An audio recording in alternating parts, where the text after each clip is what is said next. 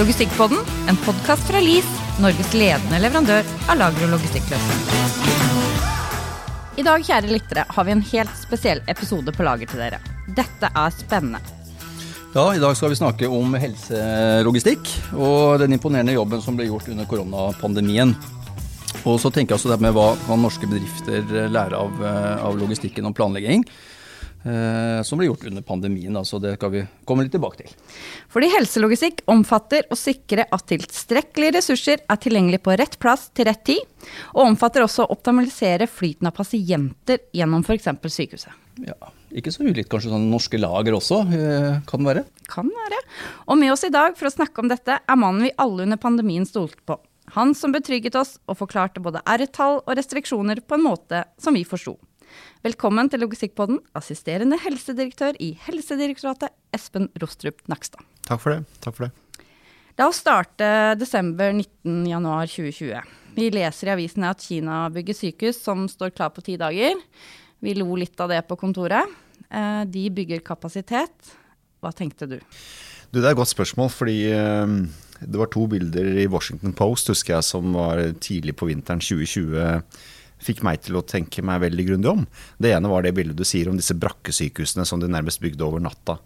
Eh, og vi antok nok at man gjorde det for å nesten doble sykehuskapasiteten i en by med ti millioner innbyggere, som allerede hadde moderne sykehus. Eh, og det bildet fortalte meg at eh, ikke bare at de tok dette på alvor, men at dette var ikke en vanlig sesonginfluensa. Dette krever mer av oss enn den beredskapen vi har til daglig.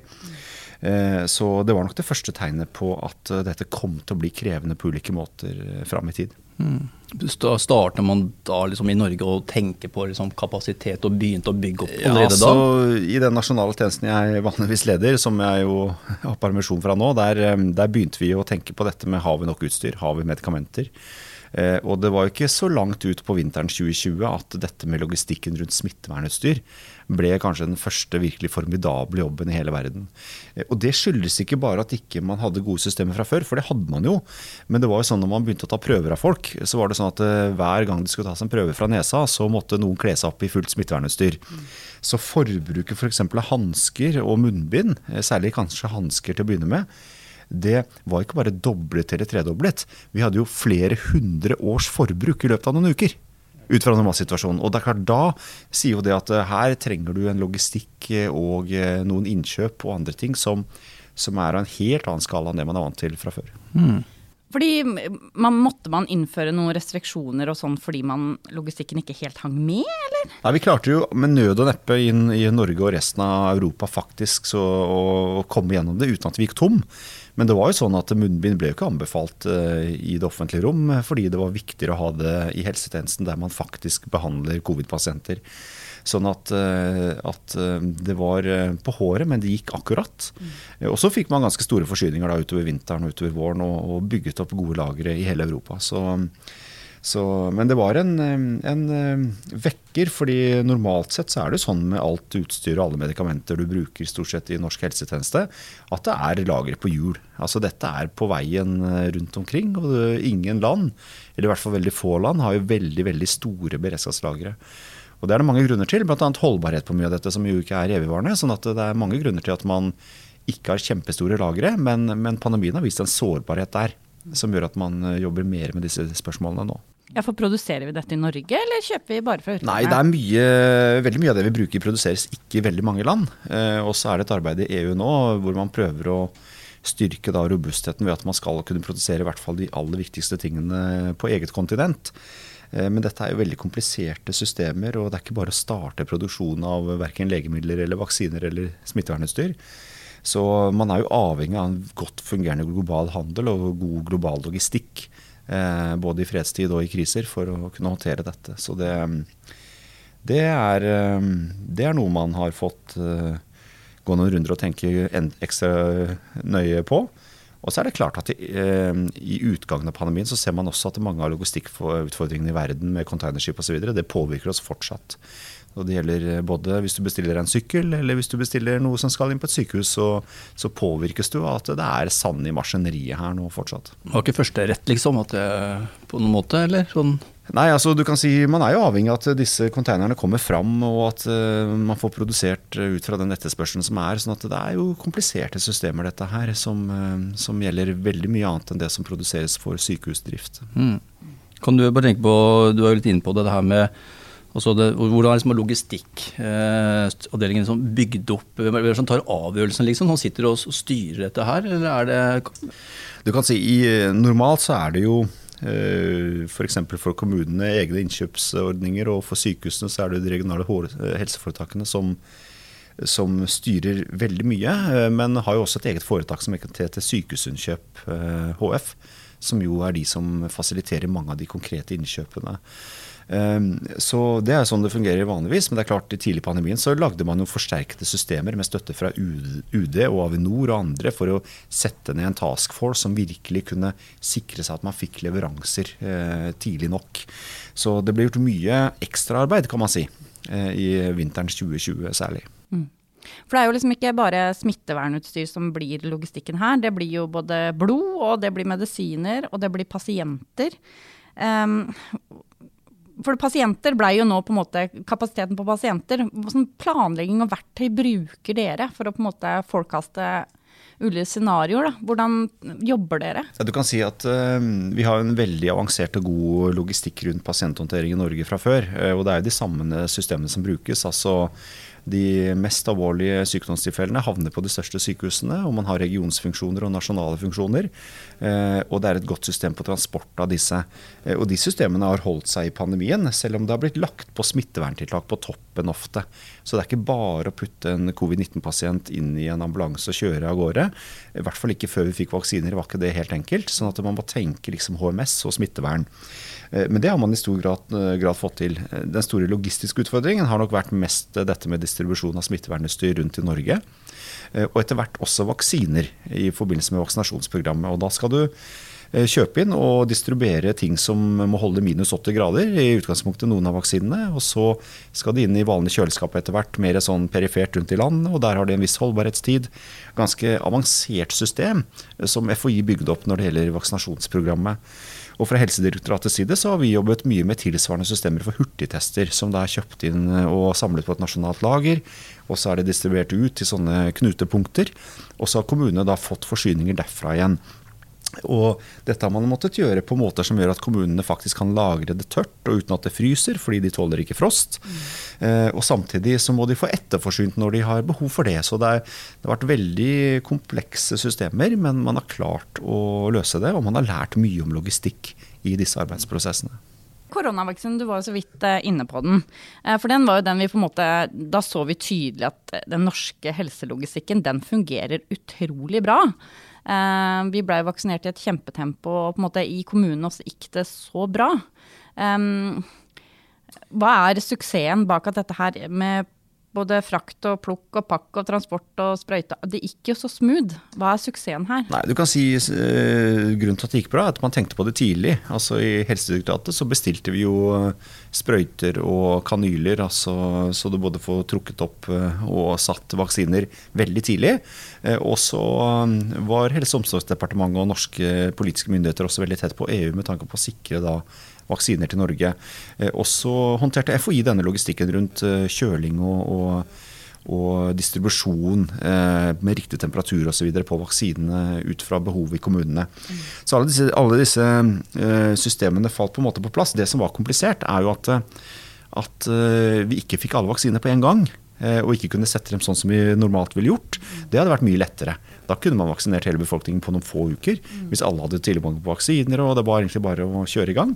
Her skulle dette fordeles og gis først til de aller eldste, og så til noen risikogrupper. Sånn at det var et ganske avansert system på hvem som skulle få det, og når man skulle få det også. Mm. Og, og, det er klart, da blir det vanskelig når eh, vi har veldig små kommuner og vi har noen store kommuner. Eh, og da sikre at de samme aldersgruppene og målgruppene får det på samme tid overalt, det er, det er en tilleggsutfordring. Mm. Så mm, det var ikke lett, men jeg vil si det gikk bra. Og det var veldig lite vaksiner som ble kastet fordi det ikke ble benyttet. sånn at eh, vi er veldig fornøyd med hvordan dette faktisk har blitt gjort. For det var jo de samme folka i kommunen også som, som jobba med testing og smittesporing en stund. Eh, når vi begynte å sette vaksiner, så var det jo det er jo imponerende av kommunene òg, eh, men de må jo ha fått noen fantastiske instrukser også, både fra dere og fra FHI, tenker jeg. Ja, du kan si Det har jo vært veldig krevende, særlig for små kommuner. For små kommuner har jo ikke veldig mange ansatte som jobber innenfor helse og, og sånn. De har kanskje en kommuneoverlege som også er smittevernoverlege. Mm. Og så har de kanskje en helsesykepleier eller to.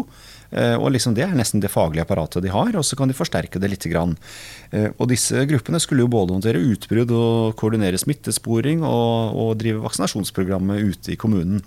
Men grunnen til at dette gikk bra, er jo at eh, for det første at kommunene slapp jo å bestille disse tingene selv. Altså Staten tok et ansvar her. Skaffet vaksiner, skaffet utstyr, skaffet sprøyter og alt man trenger.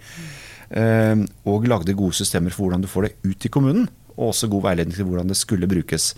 Og da ble jobben eh, vesentlig enklere eh, for den enkelte kommune, men samtidig mer enn utfordrende nok.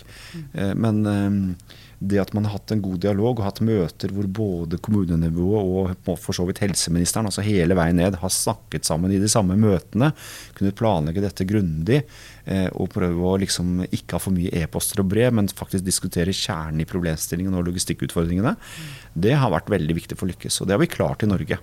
Og vi ser på andre land at det har vært vanskeligere. Eh, og Det har også litt med struktur å gjøre. fordi I Sverige for eksempel, så har man 21 len som er veldig autonome. Eh, og hvor hvert av de 21 lenene da må gjøre mye av det samme som vi har kunnet gjøre i fire regionale eh, helseregioner i Norge. Det er enklere å koordinere fire enn 21, og det er enklere også å få dem til å samarbeide godt. Så, så det er noen fordeler med å være et lite land også. Ja, Det må ha vært vanskelig. Tenk på land som ikke er så, så å si, En ting er Sverige, men tenk på alle de andre landene som er på langt nær så godt organisert.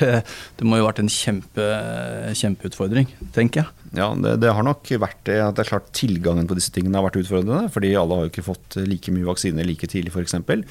Men også organisering. Og det er klart eh, regimer som har korrupsjon, og, og hvor folk ikke stoler på myndighetene til daglig, sånn, får jo større utfordringer, selvsagt. Så, men, eh, men, det har blitt eh, løst på veldig mange kreative måter og litt ulike måter rundt i verden. Og man har faktisk klart i stor grad.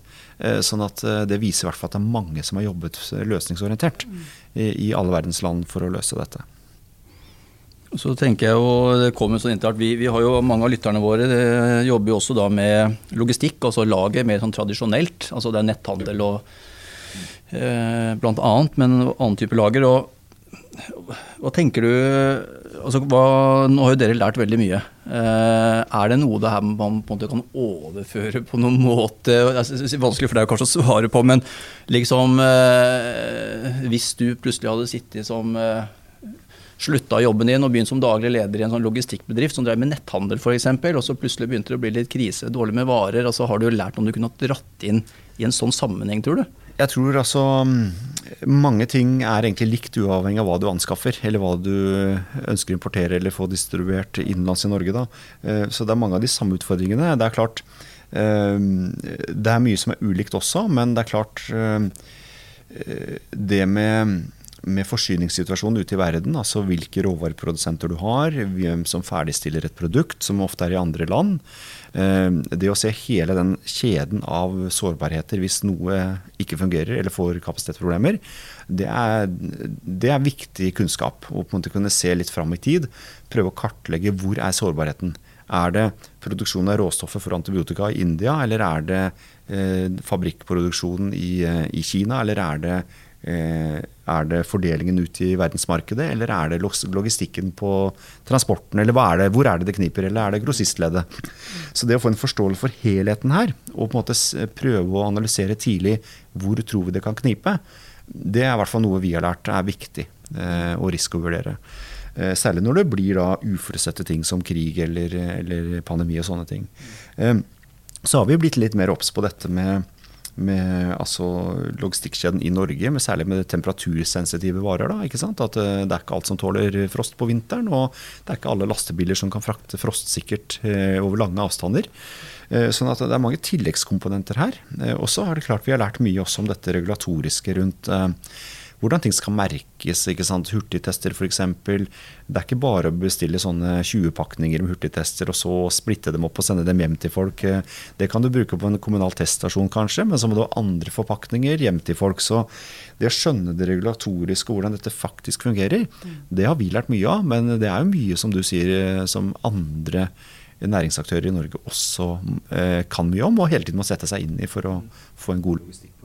Ja, og, og, der er jo litt i dag, altså med, tenk på med krigen. altså vi, vi, ser jo, vi er jo på en måte også en, en, en, leverandør, og vi ser jo det her med Nå sliter vi jo til og med med uh, å få tak i sjåfører. Mm. råvareproblemer, prisen stiger og alt det her, så, så, går det opp. Så jeg tror nok at det er noen som, som har, har, mye å lære. Eh, og jeg tror kanskje det blir spennende å se hvordan ting endrer seg òg. Vet ikke om du har noen tanker hvordan når, når, ting begynner å gå seg til, tror du vil, at man vil ha en annen holdning til ting? Tror du Norge vil bli mer selvforsynt på noen måte på ja, andre ting? Jeg, jeg tror beredskapsmessig så tenker man nok eh, i mange land at man ønsker å være litt mer selvforsynt eh, innenfor eh, alt fra mat til legemidler til andre basisvarer som man trenger. Men jeg tror også man i hvert fall er mer obs nå på, på avhengighetene i disse systemene. Og at dette er et veldig finslipt maskineri globalt. Og at det er sårbart. Det har vi jo sett nå senest med, i forbindelse med Ukraina og produksjon av hvete og solsikkeolje og det meste annet som, som eksporteres fra det landet. Så det at man i hvert fall i planlegging og risikoanalyser går litt mer inn i disse avhengighetene og sårbarhetene, det tror jeg vil skje. Eh, om det er så lett å gjøre noe med det, det er et annet spørsmål. Eh, og eh, vi får jo håpe at liksom, ting kommer tilbake på kjøl omtrent sånn som det fungerte før pandemien. Mm. Og det er mye som tyder på at det vil gå seg til etter hvert. Men det er en litt annen verden med høyere transportkostnader og, og og eh, kanskje vil ting ta lengre tid. Et sånt klimaeksempel er jo at setter du ned hastigheten på containerskip med noen knop, så har du spart utrolig mye energi og mye klimagasser. Men det tar lengre tid å få det i havn. ikke sant? Så det er sånne dilemmaer som, eh, som sikkert disse næringene også jobber videre med. Vi er nok litt så bortskjemt. Skal liksom ha bestille en lader, så skal den sånn være på døra innen 15 minutter. Så jeg syns jo vi er, liksom, vi, kommet, vi, er, vi er, litt bortskjemte. Mm. Men hva kan en norsk gjennomsnittlig bedrift lære eller forberede seg? Fordi har, det kommer en ny pandemi, og du ser jo både VG og Dagbladet nå prøver å hause opp apekopper for at uh, det skal bli noe. Men uh, det har vi blitt bero... Skal man lage en uh, pandemiplan i en norsk gjennomsnittlig bedrift? Jeg tror eh, kanskje at man i hvert fall skal eh, tenke at sånne kriser av ulike typer, det er ikke sjeldenheter som kommer hvert 20. år lenger. Uh, nå har vi liksom stått i tre forskjellige ting på to år, eller drøyt det. Sånn at uh, det at det skjer uforutsette ting, det tror jeg vi må kanskje ta på et litt større alvor. Hva det betyr i praksis, er veldig avhengig av virksomhet og, og næring. og, og og hvor mange ben du har å stå på, eh, på leveringssiden f.eks. og logistikksiden. Så det er sikkert veldig ulikt. Men, eh, men, jeg tror nok eh, den tenkningen at du trenger ikke ha noe lager av noen ting, og alt kan du knipse i fingeren og få levert på kort tid fra, i hele leveringskjeden fra andre siden av jorda, den, jeg tror i hvert fall folk er klar over at det er en større sårbarhet nå enn det har vært. Men det er ikke noe enkelt svar å gi på dette, tror jeg. Jeg tror det er veldig avhengig av hvilke varer og hvilke næring vi snakker om. Mm. For Du har også skrevet en bok om krisehåndtering. Ja. Før pandemien, da, eller før korona, så var jo jeg oppvokst uh, russ 2000. Vi var jo ikke ganske verna mot uh, at ting skjedde. Um, hvordan tror du studentene nå lærer om uh, hvordan de skal forberede seg på ting og krisehåndtering? Kommer det til å komme mer inn i studiebøkene på NHO? Det er mulig. Det er i hvert fall en generasjon nå som har både vært videregående-elever og studert i en pandemi, og som kommer til å huske det, og huske hvor trøblete det var.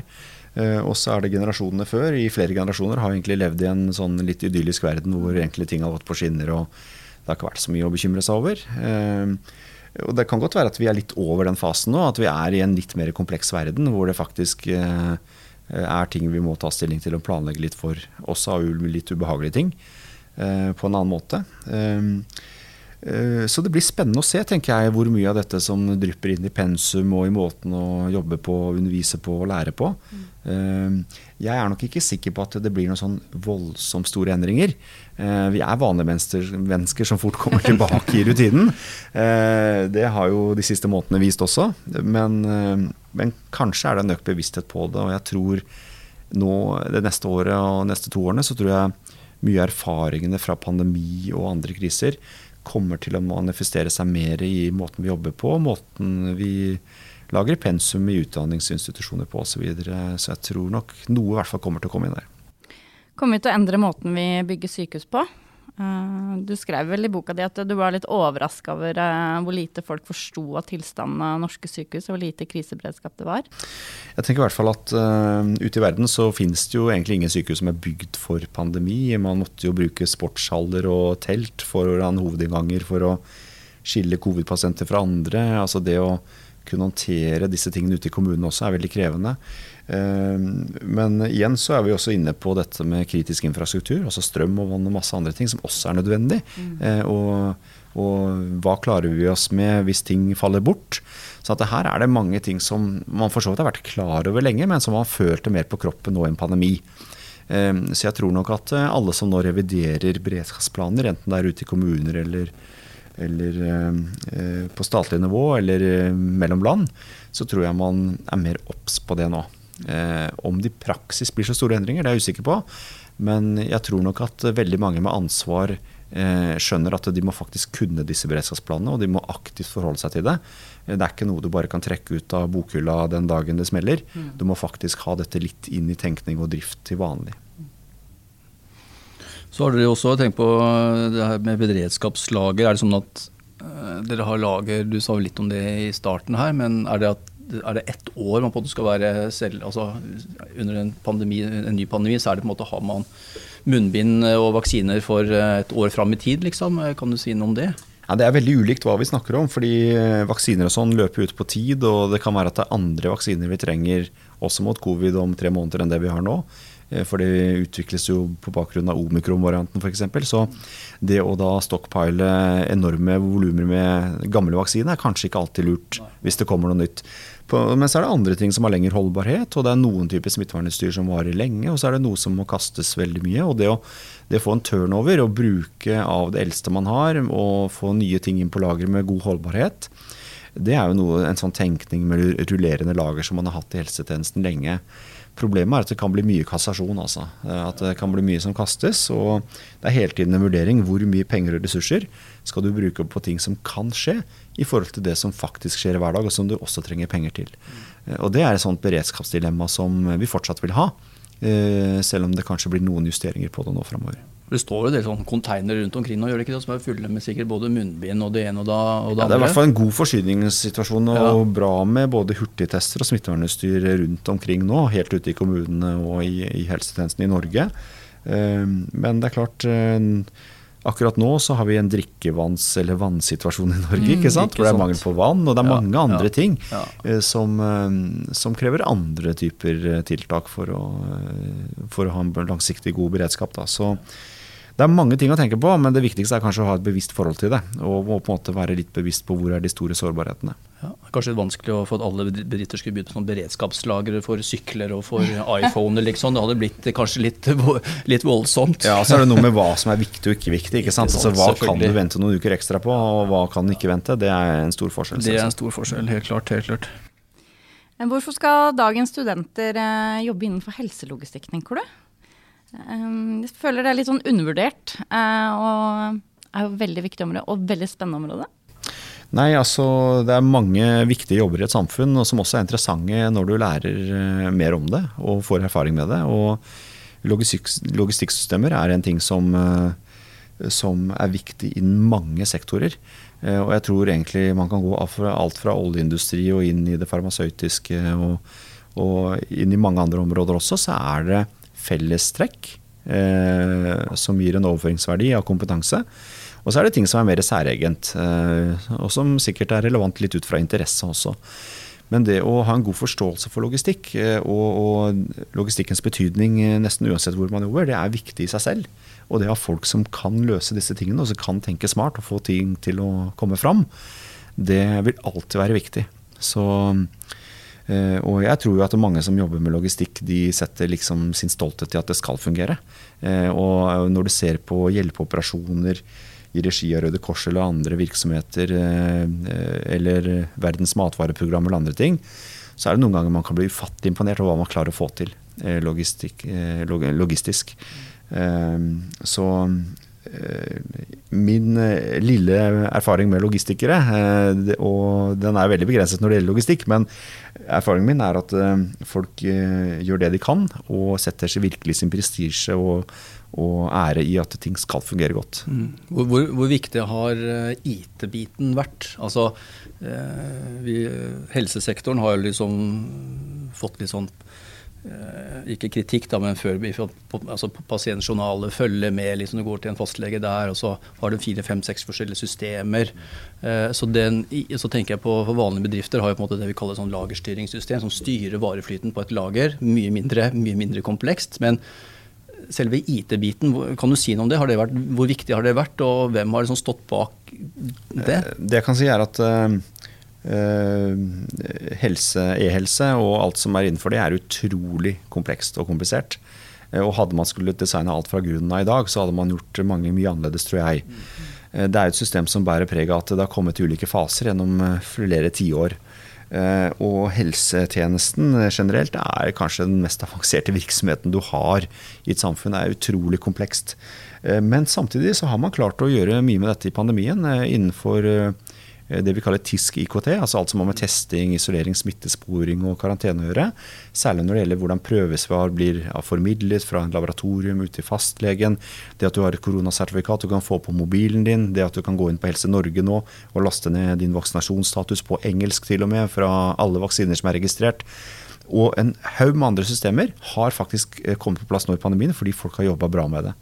Så det har vært en, eh, en ordentlig sånn innovasjonsånd i, i Norge, eh, hvor man virkelig har satset på å løse mange av disse eh, helse-IKT-utfordringene, som i hvert fall er mest relevante for pandemien. Og så er det masse igjen, selvsagt, som kan forbedres. Men det har i hvert fall kommet eh, et godt stykke videre.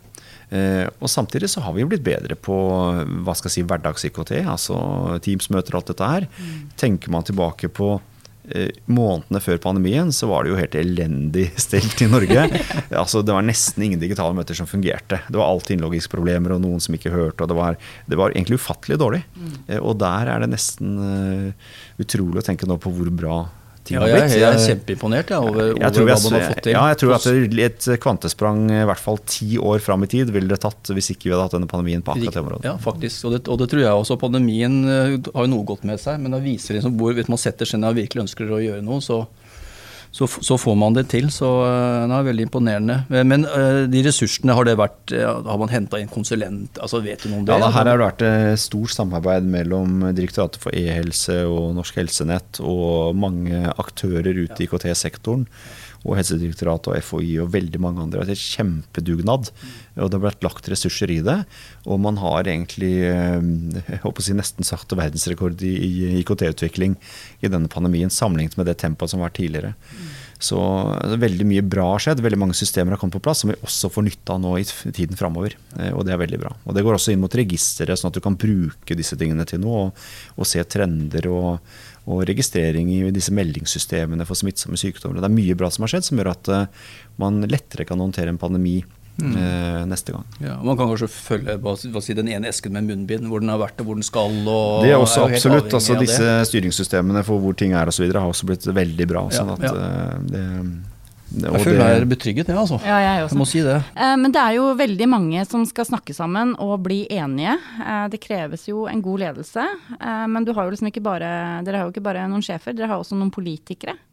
Eh, hvordan er det å ta avgjørelser og beslutninger? Og, eller rådgi, da. Det er vel det dere har gjort? Ja, du kan si Vi har gjort mange ting. Vi har jo dels uh, styrt en pandemi, særlig innledende fase. Og så har vi jo samarbeidet veldig tett opp mot det politiske, altså departementsstrukturen. Med stadig flere problemstillinger. Du kan si Utover i pandemien så har dette blitt mer og mer komplisert. Eh, det har jo påvirket alle samfunnsområder uh, over lang tid. Det har fått følgeeffekter som også må håndteres. Og ting har blitt mer og mer komplisert, og flere og flere sektorer har blitt tyngre og tyngre involvert. Eh, og Det gjør at det blir vanskeligere og vanskeligere både å koordinere. altså Vi har jo koordinert veldig mye mot helsesektoren, og så har vi rådgitt særlig det som går mot andre sektorer. Mm. Og rådgitt av departementet og det politiske eh, miljøet. Eh, og en av de tingene som gjør at det har fungert godt, er jo at vi er et ganske lite land hvor man kan snakke sammen, og hvor til og med en helseminister kan ha et møte på Teams med alle Norges ordførere og kommuneoverleger eh, og forstå hva som skjer nede i kommunene. Og kommunene får en trygghet i at ja, de oppe på toppen de forstår de også. Eh, og man får en, en forutsigbarhet i, i, hva som gjøres og når ting kommer på plass. Så det at man i Norge har samarbeidet godt, ikke bare på tvers mellom sektorer, men også nivåuavhengig, det har vært helt avgjørende for å lykkes med disse tingene. Mm. Så jeg tror at situasjonsforståelsen i det politiske miljøet og eh, for så vidt storting, kommunestyrer, men også ned mot det forvaltningsmessige både i kommunene og i staten, den, eh, den situasjonsforståelsen har vært veldig felles og veldig korrekt i denne pandemien fordi man har snakket så godt sammen. Mm. Men det er ikke gitt at det blir sånn. Eh, og det er nok alvoret i situasjonen da det begynte som gjorde at man fikk det til. Og så fikk man etablert gode arenaer for samarbeid og gode møtestrukturer. og og etter hvert jobbet godt med dette. Men, eh, men, det har vært mye jobb. Og det har vært veldig mange involvert eh, i ulike sektorer og, og ulike aktører. Mm. For det, um, Situasjonsforståelse skriver du litt om i boka di 'Kode rød'. Og det hang jeg meg Jeg hang ikke med på situasjonsforståelsen i mars 2020. Eh, man skjønte jo ikke Man tenkte jo to uker, så er dette ferdig. Hvordan, måte, hvordan klarte du å skape den situasjonsforståelse? Og, kan du ikke fortelle hvorfor det er så viktig for at man skal lykkes? Nei, jeg kan si altså, det å, At alle aktører som har roller og ansvar, eller som på en måte må gjøre noe i en sånn krise, at de har den samme situasjonsforståelsen i størst mulig grad, og at den også er korrekt, det er veldig viktig for å kunne rett og slett sette seg et mål man vil, hva man vil oppnå. Fordi Har du ikke en god forståelse av problemet, så klarer du heller ikke å sette et mål eh, hvor du vil. Og da får du ikke gjort noe med det. Eh, og det å få en god felles situasjonsforståelse er veldig krevende. Eh, fordi selv om du har samme fagbakgrunn og har sett de samme nyhetene på TV, så er veldig mange eh, på litt ulike planeter. Mm. Og, og, det så vi tidlig i mars 2020. Jeg tror hadde vi spurt eh, deg da, dine kolleger en uke før den 12. mars 2020 hvordan ser dere på situasjonen? Så ville noen antagelig svart at nei, dette er vel bare en slags influensa, det er ikke sikkert den kommer til Norge engang. Mens andre ville kanskje tenkt at nei, dette kan jo være som SARS i 2003 i Asia, eller enda verre. Ehm, og skal du lykkes med å få en felles forståelse, så må du fortelle folk ikke hva som er din forståelse, men hvorfor du ser situasjonen som du gjør. Hva er det du legger i dette her? Eh, og når du begynner med det, så begynner alle rundt bordet å korrigere seg litt. Så begynner de å skjønne ting som de ikke har skjønt, og så vil man etter hvert tilnærme seg å lande på en mer felles eh, situasjonsforståelse. Og for at den skal bli korrekt, så er det også viktig å involvere mange eh, folk. Ulike eksperter, ulike folk med erfaring innen området. Og det har en verdi i seg selv, som et sånn psyk psykologisk fenomen. Dette med kollektiv intelligens. altså at Spør du 300 mennesker om hvor høy den høyeste sjiraffen i dyreparken i Kristiansand er, så vil alle svare veldig feil. Men gjennomsnittet av de 300 svarene vil treffe bemerkelsesverdig bra. Mm. Sånn at det er en verdi i seg selv å lytte til mange og hele tiden revurdere sin situasjonsforståelse underveis. Det har vi jobbet veldig aktivt med i Norge å få til etablert mange arenaer nettopp for å snakke godt med alle berørte aktører. Og vi merket i hvert fall i hele 2020 og langt inn i 2021 at de aller fleste i Norge hadde mye av den samme forståelsen. De forsto hvorfor dette er viktig, de forsto hva som var målsettingen med det. Men de forsto også hvorfor det var viktig å fjerne tiltak f.eks. sommeren 2020 og sommeren 2021, hvor vi nesten ikke hadde tiltak igjen i Norge, og folk kunne reise på ferie til hele Europa. Sånn at det å liksom justere både eh, kursen underveis og revidere situasjonsforståelse, det tror jeg mange i praksis har lært seg til å leve med mm. i en sånn krise, og det er veldig bra. Fordi tryggheten, den fikk vi jo liksom fra det. Eh, og trygghet i ledelse, det mener du også er viktig, og du takker jo bl.a. din eh, sjef. Um. ja da, og mange andre jeg takker i den boka, som, ja. Eh, som virkelig har stått på. Og, og, det å stå og ta beslutninger på et usikkert grunnlag, uansett om man leder en bitte liten bedrift eller en liten sykehusavdeling eller en legevakt ute i en kommune, eller hva man gjør, så har man i denne pandemien måttet faktisk ta mange vanskelige beslutninger på et usikkert grunnlag. Man har hatt ansatte som har vært i karantene, det har vært masse utfordringer. Vi har vært inne på leveringssituasjon og den type utfordringer. Og alle som har stått i dette, og det er mange titusener av mennesker i Norge, det, de har løst det på en veldig god måte, sånn som jeg ser det. De har klart å stå i det, klart å leve med den usikkerheten, og funnet trygghet i den ledelsen som de har stått i. Eh, og, og, det er også fordi at eh, de som har blitt ledet, har på en måte forstått at dette har vært vanskelig, og det har vært en gjensidig respekt i dette her også. Så, så det har vært veldig lærerikt å se. Jeg tror mange har lært mye om det å stå i vanskelige situasjoner og, og holde en kurs. Eh, og drive ledelse i en, i en vanskelig situasjon. Kan vi, ja, kan vi, snakke litt om klima, miljø og bærekraft? Eh, jeg ble liksom litt noen eh, jeg har alltid tenkt at enten må forbruket ned, eller så må vi, vi konsumere mindre, så blir vi mindre konsumenter. Men jeg fikk svart på hvitt at eh, netto økning 220 000 eh, hver dag.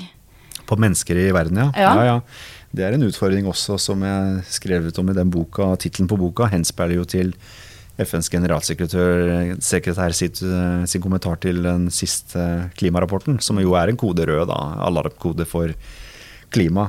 Og det er klart at eh, Da vi hadde en stor pandemi sist gang, som var alvorlig, spanskesyken, så var vi jo to milliarder mennesker på jorda. Nå er vi snart åtte. Og som du sier, det blir 220 000 flere mennesker på jorda eh, hver dag. Og det er vel en syv millioner i måneden eller sånn flere. Eh, og alle disse skal jo forbruke karbon og setter et miljøavtrykk. sånn at dette viser hvor komplekst det er i verden å lykkes med klimamål. Mm. Og, og, det er mange overføringsverdier mellom pandemier og pandemihåndtering og klima. Fordi det gjelder alle mennesker. Det er én fellestrekk. Det gjelder helse og, og, bærekraft. Det er også et fellestrekk. Og det er sånn at klima klimaspørsmål påvirker også risikoen for epidemier og pandemier. Og Det beste eksempelet er jo at disse smittsomme sykdommene som nå dukker opp stadig vekk, eh, som ganske store epidemier mange steder i verden, de eh, kommer fra et sted. De kommer fra naturen, fra ville dyr, som vi vanligvis ikke har så mye kontakt med. Men når vi drenerer våtmarksområdene i Asia og hogger skogen i Amazonas osv., så, videre, så kommer mennesker og matvareproduksjonen vår, dvs. Si husdyr og fjærkre osv., kommer tettere på disse ville dyrene. Og da har du fort en smittekjede inn til mennesker. Så, så du kan si at uh, trusselen som epidemier og pandemier utgjør, Eh, er eskalert pga. Uh, måten vi håndterer naturen på. Og det å se de sammenhengene er utrolig viktig for både for å ta ned risikoen for framtidige pandemier, men også for å kunne forhåpentligvis uh, løse klimaproblemene på en bedre måte.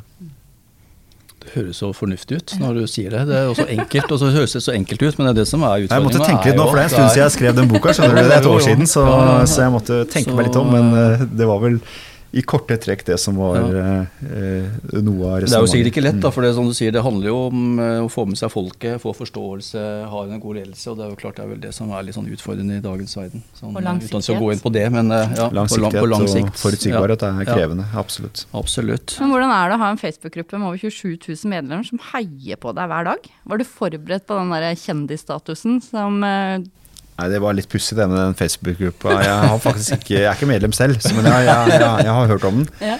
Nei, men eh, Det viser jo noe om sosiale medier i dag. Altså, som, eh, og det har jo også pandemien vist. At uh, veldig mye informasjonsinnhenting, synspunkter, diskusjoner er nå på sosiale medier. Uh, og den utviklingen går utrolig fort. Nå har jeg stort sett vært på jobb da, de siste to årene og ikke fått med meg så mye annet utover det. men jeg har fanget opp at eh, kronikkartikler i aviser og diskusjonsting i radio og podkaster som dere lager, veldig fort blir delt, eh, og veldig fort eh, blir diskusjonstema nettopp på sosiale medier. Så i det perspektivet så er, det jo, er jo sosiale medier en, en, viktig kanal til å informere folk i en krise. Men også, som vi ser nå med en krig i Europa, en kanal som kan misbrukes, og hvor det er vanskelig kanskje å nå fram med med budskap fra myndigheter i noen sammenhenger. Mm. Så um, hvordan dette blir om ti år, altså det er vanskelig å si, men at det blir mer og mer, mm. det tenker jeg er helt sikkert. Ja, jeg er helt, helt, enig i det. Nei, jeg har, jeg har, ikke noen flere spørsmål, Nei, faktisk. Så vi skal uh, først takke deg for innsatsen du gjorde. Betrygga oss fra når vi satt i sofaen. Ja, takk for det. Uh, det var uh, det er hyggelig å høre. Jeg satt ikke i den sofaen selv, så det er litt vanskelig for å forstå det. Men, eh, men, eh, men det er hyggelig å høre uansett. Det, det, kom noen, og så kom du, og så ble vi betrygga, og så forsto vi, og det takker vi deg for. Og tusen takk for at du kom til Logistikkpodden. Ja, takk for at du kom til Logistikkpodden. Ja, bare hyggelig. Takk for i dag.